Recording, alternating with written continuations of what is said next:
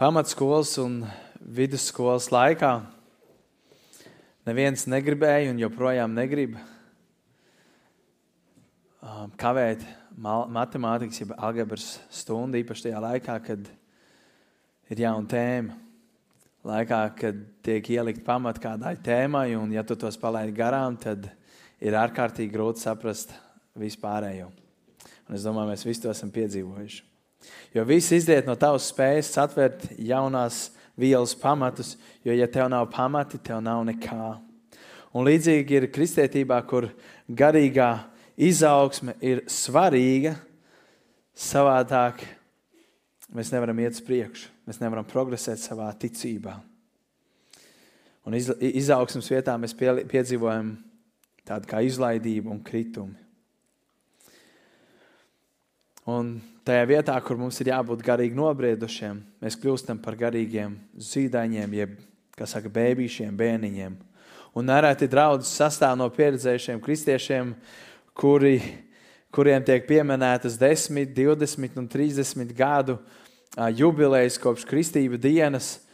Taču garīgā ziņā viņi vēl joprojām ir kā mazi bērniņi, kuriem ir nepieciešams kāds, kurš viņiem mācītu patiesības sākums, kurš mācītu viņiem, kā viņi var būt par svētību citiem. Un, un man negribas to teikt, bet garīgā ziņā sanāk kā tāda kroplīša. Tas, par ko Ilzīts stāstīja, kad viņam bija bail, ka Dārvids piedzims, vai viņš būs vesels, un viņš auga un attīstījās, un viņš ir ļoti milzīgs, liels. Pozitīvā ziņā, un spēcīgs un vesels. Un dažreiz mēs baidāmies, kāds būs mūsu bērniņš. Un kāds būs šis jaunais kristietis, kurš ir kļuvis par Dieva bērnu, vai viņš būs spēcīgs, vai viņš tomēr būs kaut kādā ziņā atpalicis. Un nav notikusi šī izaugsme. Veselā organismā izaugsme ir automātiska, taču garīgajā ziņā izaugsme ir izvēle. Kas izvēlas pieaugt, tie pieaugs. Bet es pastāstīšu, kā tas viss šajā ziņā mijās kopā ar Dieva žēlstību. Šodienas tēma ir laiks atstāt Kristus mācības sākumu. Laiks atstāt un doties tālāk. Un es vēlos lasīt no ebreju 6. nodaļas, un tas ir tas, kur mēs būsim. Ebreju 5. 6. nodaļa. Ebrejiem 6. nodaļa no 6. 6. nodaļa, 1. un 2. pāns. 1. un 2. pāns. Tāpēc, atstājuši Kristus mācības sākumu, dosimies pretī pilnībai nelikdami atkal pamatu ar atgriešanos no nedzīviem darbiem un ticību dievam, ar mācību par kristībām, roku uzlikšanu, miroņa augšām celšanos un mūžīgo tiesu. Un tas pirmais ko, punkts, ko es jums vēlos šodien iedot, ir Dievs vēlas, lai tu atstātu Kristus mācības sākumu. Viņš vēlas, lai tu dodies tālāk. Un redzēt, šis vārds atstāt uh, mācības sākumu ir tāds uh, vārdu spēle. Atstāt nenozīmē pamest.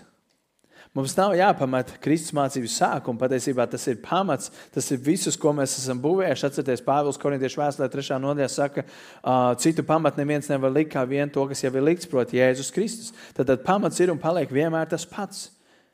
Viņš saka, bet katrs lai pielūko, ko un kā viņš ceļ uz šī pamata. Un tas tas, ko es vēlos teikt šajā rītā. Dievs vēlas, lai tu atstātu Kristus mācības sākumu, nevis pamestu, bet atstātu un uz šī, kas tev ir, tu būvētu namu, kas nevar tikt satricināts. Un tieši šeit, ebrejos, tas ir tas, ko viņš arī aicina darīt. Aicina atstāt vieglo barību un ēst cietāku barību. Aicina beigt zīst pienu un sākt ēst maizi.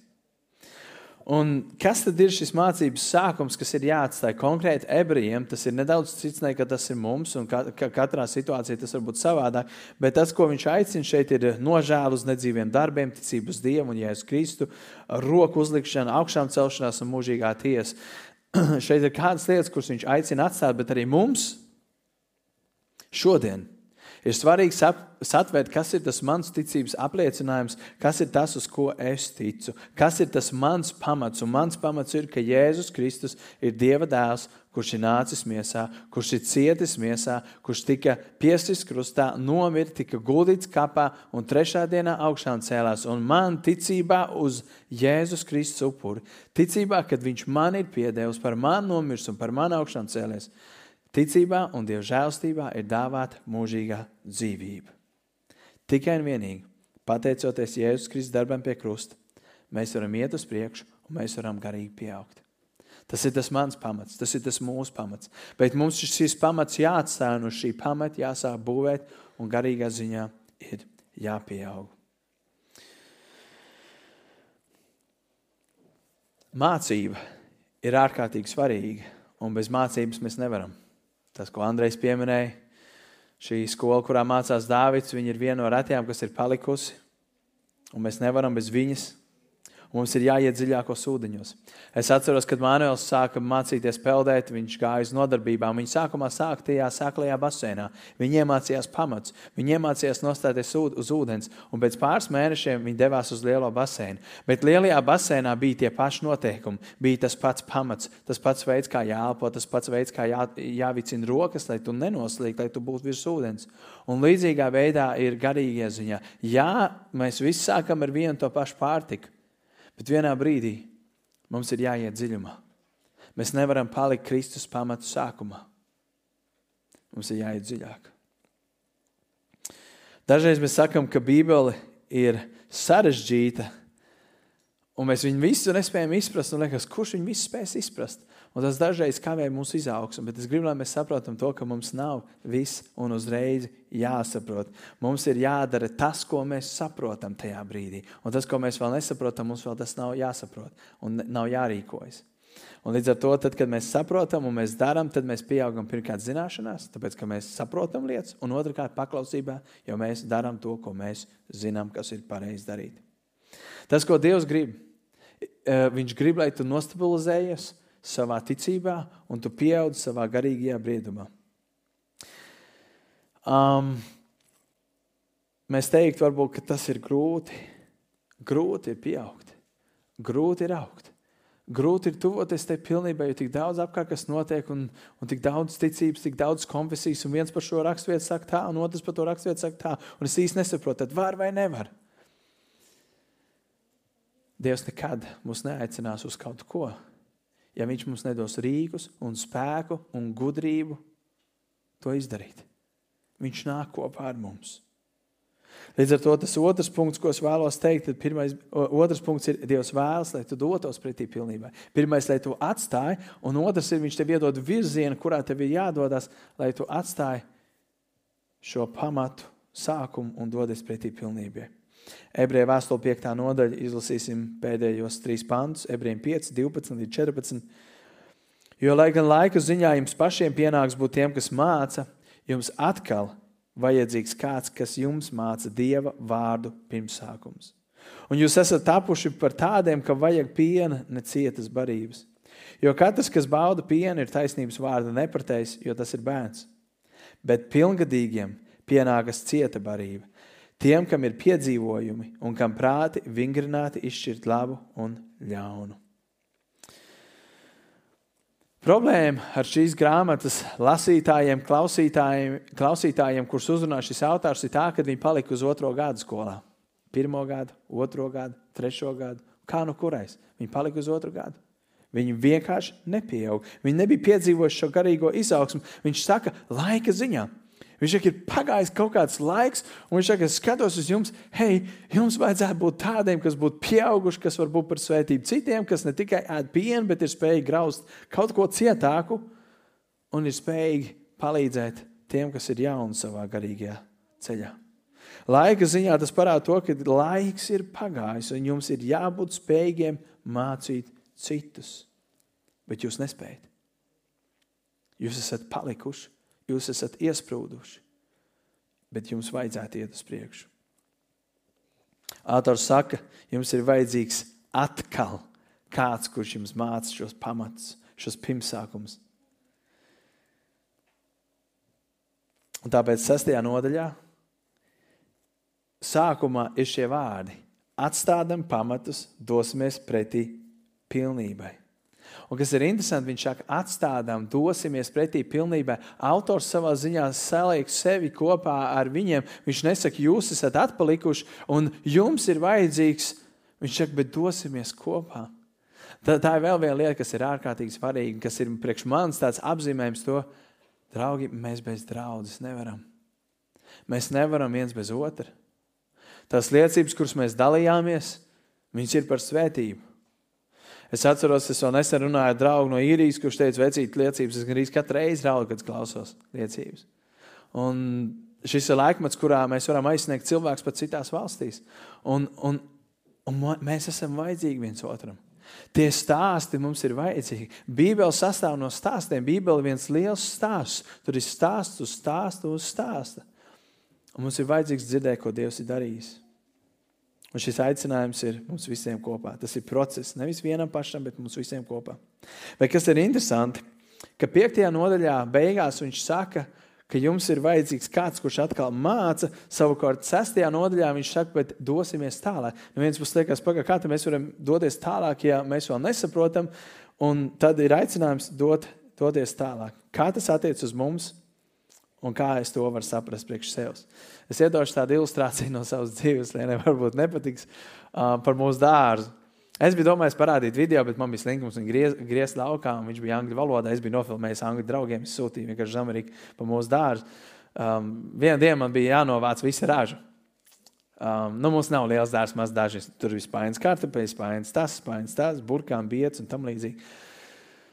Un um, es tur tā pastrādāju, un tas dārsts bija tā aizaudzis. Es nezināju, kur ir kartupeļi. Es vienkārši, mēs, es, es teicu, es rākšu Natanē, un tu skaties, un Natanēls vienkārši lasīja kartupeļus, un es tik roku, roku, ah, reku, te, tā, tā, tā, tā laikam tas stāsts, viņš bija tā aizaudzis, nevar redzēt. Labi, kāds varētu teikt, tas ir akmens lienas lauciņā. Vienkārši tad, kad mēs sākām to dārzu un tam līdzīgi, mēs vēl negaidījām bērniņu, tagad lien gaida bērniņu, un tāpēc mēs nevaram um, tā viņu aprūpēt to dārzu. Lienai nav spēku un spējas, un man arī ne. Um, un nevēlēšanās. Bet kas ir kuriozi? Jums vajadzētu to dārzu redzēt, man ne? Jūs varat aizbraukt. tur ir tik gara zāle, un tur pa vidu viss kaut kas aug. Bet mums bez žoga nodalījuma blakus ir kaimiņš. Man ir sajūta, ka viņš viņu griež ar šķērēm to mauriņu. Perfekts. Viņi pat akmeņus aplasa un uz ceļiem lien un, dara lietas. Nē, nevar jau pārmest. Rītīgi labi, bet tas kontrasts, kad es filmēju, un tāds -! Brīnišķīgs dārsts. Un jūs varētu jautāt, Tom, kāpēc tev tāds dārsts ir? Jūs ticētu, ja es jums teiktu, man nav ne jausmas. Es nezinu, kā viņam tik labs. Es nezinu, kāpēc man ir tā aizaudzis dārsts. Jūs varat teikt, es plānoju viņu paravēt kādreiz. Redziet, problēma ar mani jau nav, vai ar Lienu šajā gadījumā, vai, vai man. man problēma jau nav zināšanās. Problēma ir darīšanā. Un garīgajā ziņā līdzīgi. Mūsu izaugsme nav saistīta, vai neizaugsme nav saistīta ar to, ka mēs nezinām, ko darīt. Problēma ir tajā, ka mēs nedarām to, ko mēs zinām, kas mums ir jādara. Un tas ir tas, kas atšķir to dārzu. Un es jums parādīju dārzu, jūs varētu teikt, nu jā, garīgā ziņā ir tieši tāpatās. Ebrejiem, šiem klausītājiem, lasītājiem, nebija vajadzīgs kāds, kurš viņiem atgādinātu šīs patiesības sākums. Viņi ļoti labi zināja. Viņi zināja labāk, varbūt pat nekā Pāvils. Viņi zināja visu. Viņi no mazām dienām bija mācījušies rakstus. Viņi zināja, viņi nebija to aizmirsuši. Bet vajadzēja kādu, kas viņiem atgādina. Nevis teorijā, bet praksē. Viens ir zināt, man ne, un otra lieta ir darīt. Man ik pa laikam kādi cilvēki teikuši, um, es baigi ilgi neesmu lasījis Bībeli. Un tas jautājums nav, uh, kāpēc, vai, zini, es vienkārši kaut kā skatos un pēc tiem kalendāriem, un es saprotu, ka tas baigi ilgi neesmu lasījis Bībeli, vai mēs nerunājam par lietām, kas ir tas, ko tu nesaproti tajā, ka būtu jālasa Bībeli. Nu, un tad mēs skaidrojamies, par to nav saruna. Cilvēki, kad viņi atnāk, tad, kad viņš ir gatavs atzīt, es nelasu Bībeli, tā viena lieta, ko viņš saka, viņš nāk ar tādu nožēlu un bieži vien, ko es varu darīt, vai tu man vari palīdzēt, ko mēs varam darīt, lai mēs varētu to mainīt. Viņi ļoti labi zina, kas viņiem jādara. Tur ir citi iemesli, kāpēc viņš to nedara. Kāpēc viņš nelasa vai kāpēc viņš nelūdz Dievu. Problēma nekāda šajās lietās nav zināšanā. Un tas pats bija ebrejiem šajā nodaļā, kad mēs lasām. Un es šorīt gribu aicināt katru no jums izvērtēt, um, kur tu atrodies garīgajā ziņā. Vai varbūt tu esi tas, garīga, tas, tas bērniņš, tas garīgais bērniņš, tas kristietīts jaunais, kurš tikko par tādu kļuvis. Varbūt tu esi tas garīgais bērniņš, kurš sen par tādu kļūst, bet tev nav notikusi šī izaugsme, kurai vajadzēja notikt. Un laiks ziņā tev būtu bijis jābūt tam, kurš var mācīt cits, bet nespējīgs. Vai arī tu esi tas, kurš ir garīgi pieaudzis un tu esi par svētību sev un citiem, un tu spēj stiprināt citus cilvēkus un palīdzēt viņiem pieaugt. Tev ir jāsaprot, kurš no šiem trīs tu esi. Un ja tev ir nojausma, pie kuras no šīm grupām tu piederi, tad es gribu, lai mēs lasām to, kas notiek tālāk. Un šis ir tāds pagrieziena punkts ebreju vēstulē, 6. nodaļā, 3. pantā. Pirmā brīdī nevar saprast, uz ko attiecās arī to mēs darīsim. Tur ir rakstīts, arī to mēs darīsim, ja Dievs atļaus. Un tas seko pēc tā, ko viņš ir uzskaitījis. Viņš saka, atstāsim sākumu un šos pamatus un dosimies pretī pilnībā. Un tad viņš uzskaita kādas lietas, un tad viņš saka, un arī to mēs darīsim, ja Dievs atļaus. Kontekstā šis vārds arī to mēs darīsim attiecās uz to pirmo Uh, pirmo pāntu, kur rakstīts garīga izaugsme. Un tas liekas, ko? Arī, tu, arī to mēs darīsim, arī mēs pieaugsim garīgi, ja Dievs atļaus. Tad sanāk, ka Dievs var neatļaut man garīgi pieaugt, vai ja Dievs man atļaus, tad es pieaugšu, un ja Dievs man neatļaus, tad es nepieaugšu. Bet vai tad Dieva grib nav, ka mēs visi pieaugam? Un tas ir bijis jāpaspēlējās šeit un savā ziņā ar šiem vārdiem, un es centīšos jums izskaidrot, ko tas nozīmē. Skatieties! Tavs izaugsmes process, tā garīga izaugsme atrodas Dieva rokās. Mēs domājam, ka tas atrodas mūsu rokās, bet tā atrodas Dieva rokās, mūsu garīga izaugsme. Mēs pieaugsim svētā dzīvē un šķīstībā, ja Dievs to pieļaus. Mēs pieaugsim svētā dzīvē un šķīstībā, ja Dievs to pieļaus. Un pirmā brīdī liekas, kā tas tā var būt? Bet es gribu iedot jums vienu citu raksturvietu no 13. nodaļas ebrejiem. 20. un 21. pāntu. Ebrejiem 13. nodaļa, 20 līdz 21. Bet miera Dievs, kas no miroņiem paaugstinājis mūsu kungu Jēzu, lielo avju ganu, mūžīgās derības asindēļ, tas, lai katrā labā darbā dara jūs spējīgus piepildīt viņa gribu, jūsos to padarot, kas viņam labi patīk caur Jēzu Kristu. Viņam lai ir gods mūžu mūžos. Amen. Atpakaļ 21. pānta. Tas, tas ir Dievs, lai katrā labā darbā dara jūs spējīgus piepildīt viņa gribu. Jautājums, kā tu spēj piepildīt Dievu gribu izjūt no šīs raksturvietas? Kurš ir tas, kurš tev dod spēku? Te ir rakstīts tas, lai piepildu ikvienu no jums katrā labā darbā. Tas parāda to, ka tu spēj darīt labu darbu tikai un vienīgi tad, ja Dievs tev dod spēku, vēlmu un izdošanos. Tas tas, ko šī raksturvieta māca. Vai nu Dievs strādā pie mums veidā, kas ir tīkams viņam pašam, vai nu viņš nedarbojas mums, pie, pie mums.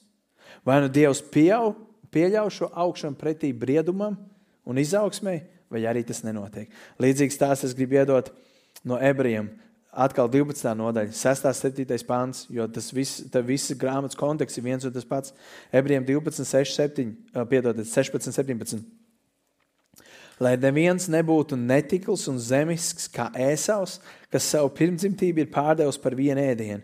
Jo jūs zināt, ka arī pēc tam, gribēdams iemantot apsolījumu, viņš tika atmests, jo netika dota iespēja atgriezties, lai gan ar asarām viņš to meklēja.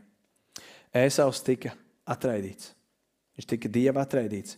Viņš tā nicināja dieva žēlastību, ka viņš vairs nebija spējīgs patiesi nožēlot to, ko viņš bija izdarījis. Kaut arī viņš gauž raudāja, kaut ar asarām viņš meklēja atdošanu, tomēr viņš nespēja. Un šis ir tik svarīgs un dārgs brīdinājums mums visiem, kur ir rakstīts, arī to mēs darīsim, ja Dievs to pieļaus. Tas nozīmē, arī mēs pieaugsim Jēzu, ja Viņš to pieļaus. Un tas ir tāds kā Dievs ir tas, kurš veic šķīstīšanas darbu pie tevis. Viņš tev šķīst, viņš tev veido. Viņš ir tas, kurš dara to darbu pie tevis. Tu esi kā māsas viņa rokās.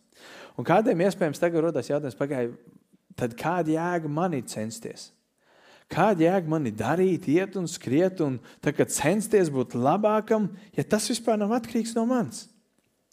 Un redziet, ja mums to ir grūti saprast, tas parāda to, ka mēs palaidām garām centrālo vēsti evaņģēlīja centrālo vēstu par to, kas ir evaņģēlis, par to, ko ir izdarījis Dievs caur Jēzu Kristu. Un tos vēlēs, vēlos šajā noslēguma domā jums izskaidrot. Pie tavas glābšanas cik procentus tu glābi sevi un cik procentus tev glābi Dievs? Es teiktu, nu, Tom, tas ir sēdienas skolas jautājums. Protams, ka mēs neko neglābjam. Simt procenti Dievs mūs glābi. Okay. Bet, ja cilvēks cenšas nopelnīt vismaz 1% no savas glābšanas, vai tas ir ok? Dievs saka, vai nu visu, vai neko. Vai nu es tevi glābu, vai nu tu glābi sev pats. Nav tāds 99,1% es pats pielikšu klāt. Tad Dievs glābi 100%. Piekritīsiet tik tālu? Ok. Ejam tālāk. Vai tu vari noturēt savu glābšanu savos spēkos, vai tu nespēji noturēt savu glābšanu savos spēkos? Dažreiz mēs domājam, ja es neizdarīšu to un to trako grēku, tad būs baigi labi, tad es palikšu vienmēr glābts. Bet, ja es izdarīšu kaut ko, kas izrādīsies tomēr bija kaut kāds nepiedodamais grēks, tad ar mani ir cauri. Tad savā ziņā, ja mēs tā domājam, tad sanāk tā, ka Dievs tev dod 100% glābšanu. Viņš saka, bet, lai tu noturētu šo 100% glābšanu, tev 10% ir jādara tagad pašam. Jo, ja tu izdarīsi vai neizdarīsi, tad tev cauri ir. Tas nav evaņģēlijs. Tad sanāk, ka Dievs patiesībā mūs glābi 100% no sevis. Viņš glā, un viņš uztur mūsu glābšanu 100%. Tas ir viņa darbs. Džons Makārturs Universitāte, kurā aizbrauc Dāvids, ir teicis tādus vārdus: Ja tu varētu pazaudēt savu glābšanu, tad tu viņu pazaudētu. Ja tu varētu pazaudēt, ja pastāv viens vai 0,1111% vai 0,0001%, ka tu varētu pazaudēt savu glābšanu, simt punktu viņa pazaudēt. Kāpēc? Tāpēc, ka tu viņu nevarēji nopelnīt pirmām kārtām. Un, ja tu viņu nevarēji nopelnīt pirmām kārtām, tad tu neesi spējīgs viņu noturēt ar saviem spēkiem. Ejam tālāk. Ja tik tālu jūs man piekrītat, un ja Dievs ir tas, kurš simtprocentīgi glābi un simtprocentīgi uztur man glābšanu, tad tas ir tikai loģiski, ka tava garīgā izaugsme ir simtprocentīgi atkarīga no Dieva. Jo redziet, šeit mums ir ļoti grūti novilkt robežu, kurā brīdī sākās mans darbs un kurā brīdī sākās Dieva darbs. Un šis ir tik interesanti. Atcerieties, Pāvils teica tādus vārdus, cik es tagad dzīvoju miesā, es dzīvoju ticībā uz Jēzus Kristu, un manī tagad dzīvo Jēzus Kristus. Es jums uzdošu jautājumu, Kas tad dzīvo tavu dzīvi? Pāvils saka, cik es tagad dzīvoju? Tad nu, Pāvils dzīvo savu dzīvi. Bet viņš saka, bet cik es tagad dzīvoju? Jēzus dzīvo manī. Un tad es vairs nedzīvoju, bet Jēzus, kas dzīvo, viņš saka. À, nē, nu tad jau sanāk, ka Jēzus dzīvo man dzīvi. Bet viņš teica, ka arī viņš dzīvo man dzīvi. Tad kurš dzīvo Pāvila dzīvi? Kurš dzīvo tavu dzīvi? Es tie jautājums, kuriem mums nav atbildes. Tā ir tā mistērija, tas evaņģēlīja noslēpums. Dievs tev glābi, Dievs tev uztur, un Dievs ir simtprocentīgi atbildīgs par tavu garīgo izaugsmu. Un tāpēc autors arī teica šajā vēstulē, arī to mēs darīsim, arī mēs pieaugsim, ja Dievs to mums ļaus. Kas man aizved pie domas? Fakts, ka Dievs man ļauj pieaugt.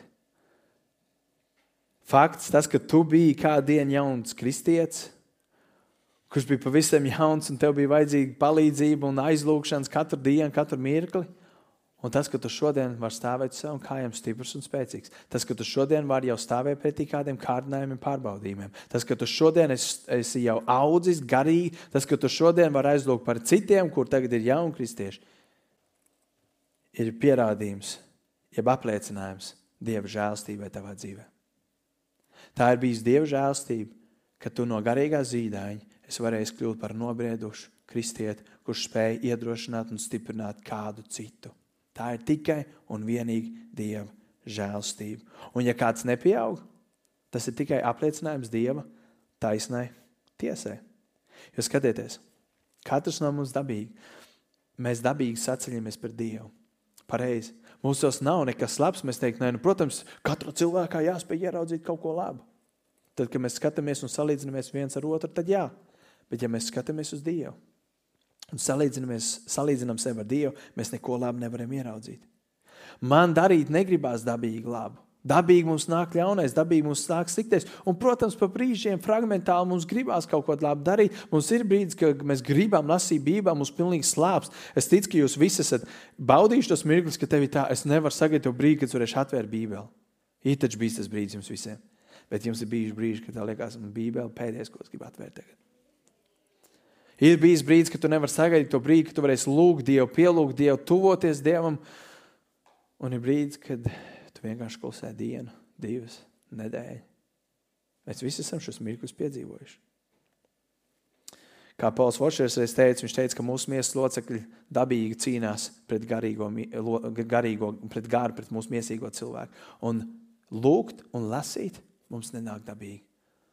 Ir mirkli, kad mums to gribās darīt, bet bieži vien mums sevi ir jāspiež. Dievs ir tas, kas dod gribu, vēlmi un izdošanos tās lietas īstenot. Dievs mums nav neko parādā.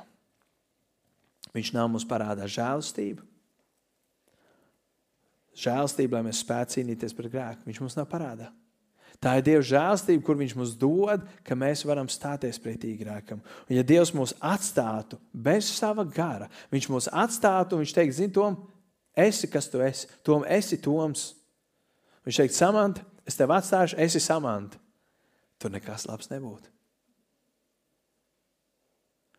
Bet tāpēc, ka Dievs savā žēlstībā ļauj mums pieaugt. Tā ir Dieva žēlstība, ka mēs varam paskatīties uz cilvēku un pateikt, wow, viņš ir mainījies. Māri, tā ir žēlstība, ka mēs varam paskatīties tev un redzēt, ka tu esi mainījies, tev dzīve mainīsies. Tas nav kaut kāds vienkārši nu, zvaigznes debesīs sakrīt, kā cilvēkiem patīk teikt. Tur nekas nemainās. Kā Dievs viņus ir radījis, kur Dievs viņus ir nolicis un kādā vārdā viņš viņus ir nosaucis, tā viņas ir nu, kopš tās dienas, kopš viņš tur stāv. Tā ir Dieva žēlstība, ka mēs varam pieaugt. Tā ir Dieva žēlstība, ka tu šodien esi glābts šeit pareizi. Tas, ka tu šorīt vari saukt sevi par Dieva bērnu, tā ir Dieva žēlstība. Un ja tu stāv ticībā, un tu progresē, un tu redzi izmaiņas savā dzīvē, tā ir Dieva žēlstība. Un tas, ka tev ir labs prāts uz Dievu, tas, ka tu šodien esi šeit, tas, ka tu gribi kalpot Dievam, tas, ka tu gribi slavēt Dievu, tas, ka tu gribi pastāstīt kādam par Dievu, tā ir Dieva žēlstība. Un ziniet, ja mēs šo domu satvērtu tā līdz kaulam, ziniet, kādas sajūtas mums raisītos? Mēs kristu pie zemes bībā, mums būtu bailes, tādas pozitīvas trīsas Dieva priekšā. Mēs teiktu, wow, Dievs, kas tā ir? par žēlastību. Kad Dievs ir strādājis pie tevis, Viņš ir ļāvis tev pieaugt, un Viņš ir ļāvis baudīt tev žēlastību tavā dzīvē. Un iespējams, kādiem sāks jautājums, kur tad ir mana daļa šajā visā?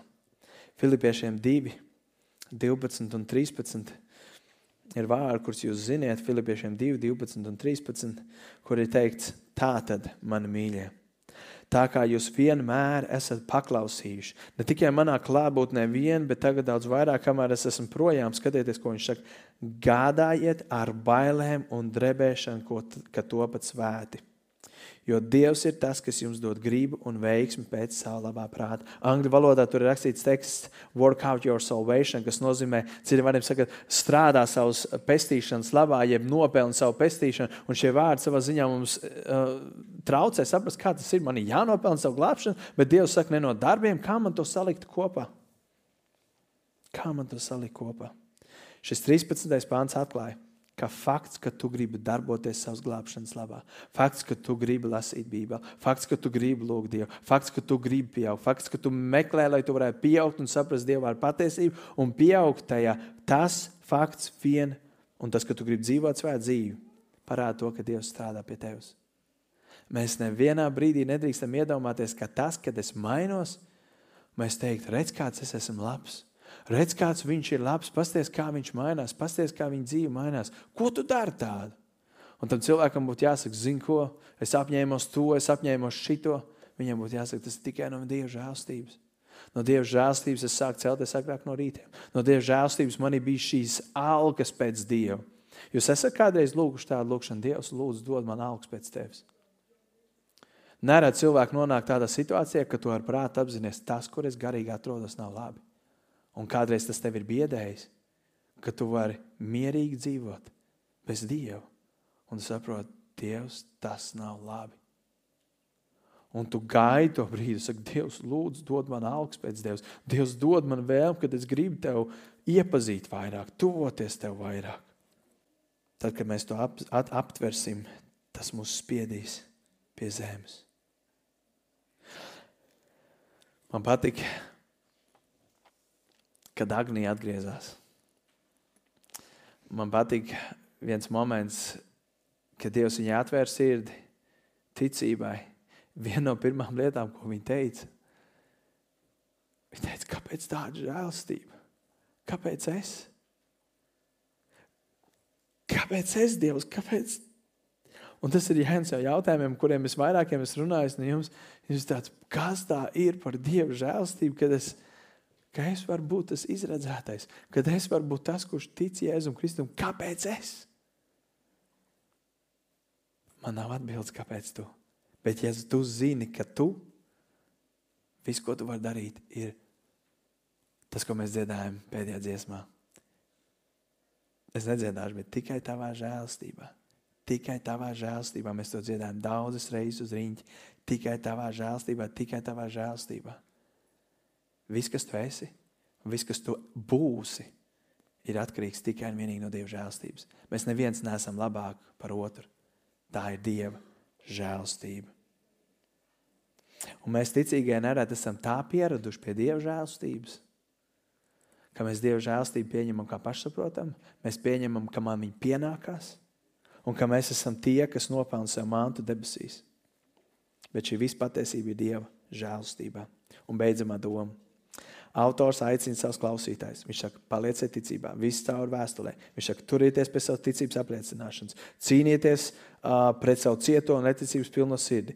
Tiecieties pēc svētas dzīves, bez kuras neviens neredzēs to kungu. Viņš brīdina, viņš runā, viņš aicina, viņš cer, ka Dievs strādās viņiem un caur viņiem, bet tas nav tas, kur paliek šī pāvila vai vienalga, kurš rakstīs šo vēstuli. Tas nav tas, kur paliek viņa cerība, kad Mēs vienkārši ceram, bet viņš uztic Dieva visvarīnībai, viņš uztic Dieva žēlastībai. Autors dara visu, kas ir viņa spēkos, viņš pamudina viņu, viņš aicina viņus rīkoties, atsaukties, bet beigu tomēr, beigās viņš saka, bet Dievs pie mūsu izaugsmas, lai notiek tavs prāts. Pie kura notiks izmaiņas, kurš būs tas, kurš mainīsies? Dievs, mēs absolūti uzticamies Tev ka tu būsi tas, kurš veiks šīs izmaiņas. Dievs, tu būsi tas, kurš veidos Dāvidu Amerikā, Dievs, tu būsi tas, kurš veidos Filipu Latvijā, Dievs, tu būsi tas, kurš veidos Samantu Lietuvā. Tu būsi tas, kurš darīs šīs lietas mūsos, nevis mēs esam tie, kas dara. Un ziniet, viņš ir kā Joāps vecajā derībā, kurš dodas kaujā kopā ar savu brāli Abišai un saka viņam, otrajā vēstulē Samuēlam, es nolasīšu vienu pantu, 10. nodaļa, 12. Viņš raka, saka, esi stiprs. Un lai stiprs stāvam par mūsu ļaudīm un par mūsu dieva pilsētām, bet tas kungs lai dara, kā viņam labāk patīk. Tas, ko Joāps saka, viņš saka, mēs esam izdarījuši visu, mēs esam sagatavojušies karam, mēs karosim ar visu spēku, bet beigu beigās tie neesam mēs, bet tas ir Dievs, kurš izvēlēsies dot mums uzvaru vai nedot uzvaru. Tas nav atkarīgs no mums. Mēs iesim, Mēs darīsim, mēs ņemsim bruņus, mēs ņemsim zobus, mēs iesim un kausimies. Bet mēs zinām, ka ja mums būs uzvara, tas būs pateicoties Dievam. Ja mēs zaudēsim, tas būs tāpēc, ka Dievs tā būs lēmis. Un tas ir tas, kur mums ir jāliek cerība uz Dievu. Ja tu esi domājis par to, kāpēc Dievs es nespēju ticēt, Dievs, kāpēc es nepieaugu, vai kāpēc tas brālis nepieauga, un kāpēc tas, un kāpēc tas, kāpēc tas, mums visa cerība ir jāliek uz Dievu. Un šorīt arī Dievs tev aicina paļauties tikai un vienīgi uz viņu. Dzīve ir grūta un dzīve sarežģīta un pilna ar pūlēm un nezināmo.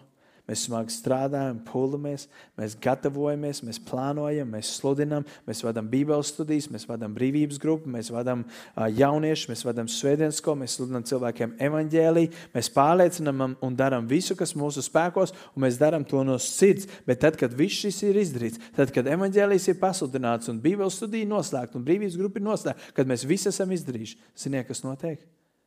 Es saku, Dievs, bet tālāk ir noteikti tavs prāts. Mēs esam darījuši visu. Bet Dievs, tu esi tas, kurš izmaina cilvēku sirds. Svētais gars, tu esi tas, kurš ieliek ticību cilvēku sirdī. Nevis mēs. Tas viss ir Dieva darbs. Un es gribu aicināt, ka vislabākā vieta, kur atrasties, ir Dieva žēlstībā. Un tad, kad mēs patiesi spēsim satvert Dieva žēlstību, kas ir tas, ko Dievs dara un kā Viņš dara, mēs spēsim novērtēt katru izaugsmu savā dzīvē, Mēs spēsim novērtēt katru svētību savā dzīvē un citu cilvēku dzīvēs. Mēs varēsim slavēt un pateikties. Un mēs neteiksim, piemēram, Mārim ir laba liecība. Mēs neteiksim, Māri, vecīt, jūs baigas mālēts, tev ir baigā liecība. Māri, tā ir Dieva žēlstība, ko Dievs ir darījis tavā dzīvē. Dieva žēlstība. Un tāpat tās par katru vienu no mums. Tā ir Dieva žēlstība, ka Viņš ir darbojies tavā dzīvēm.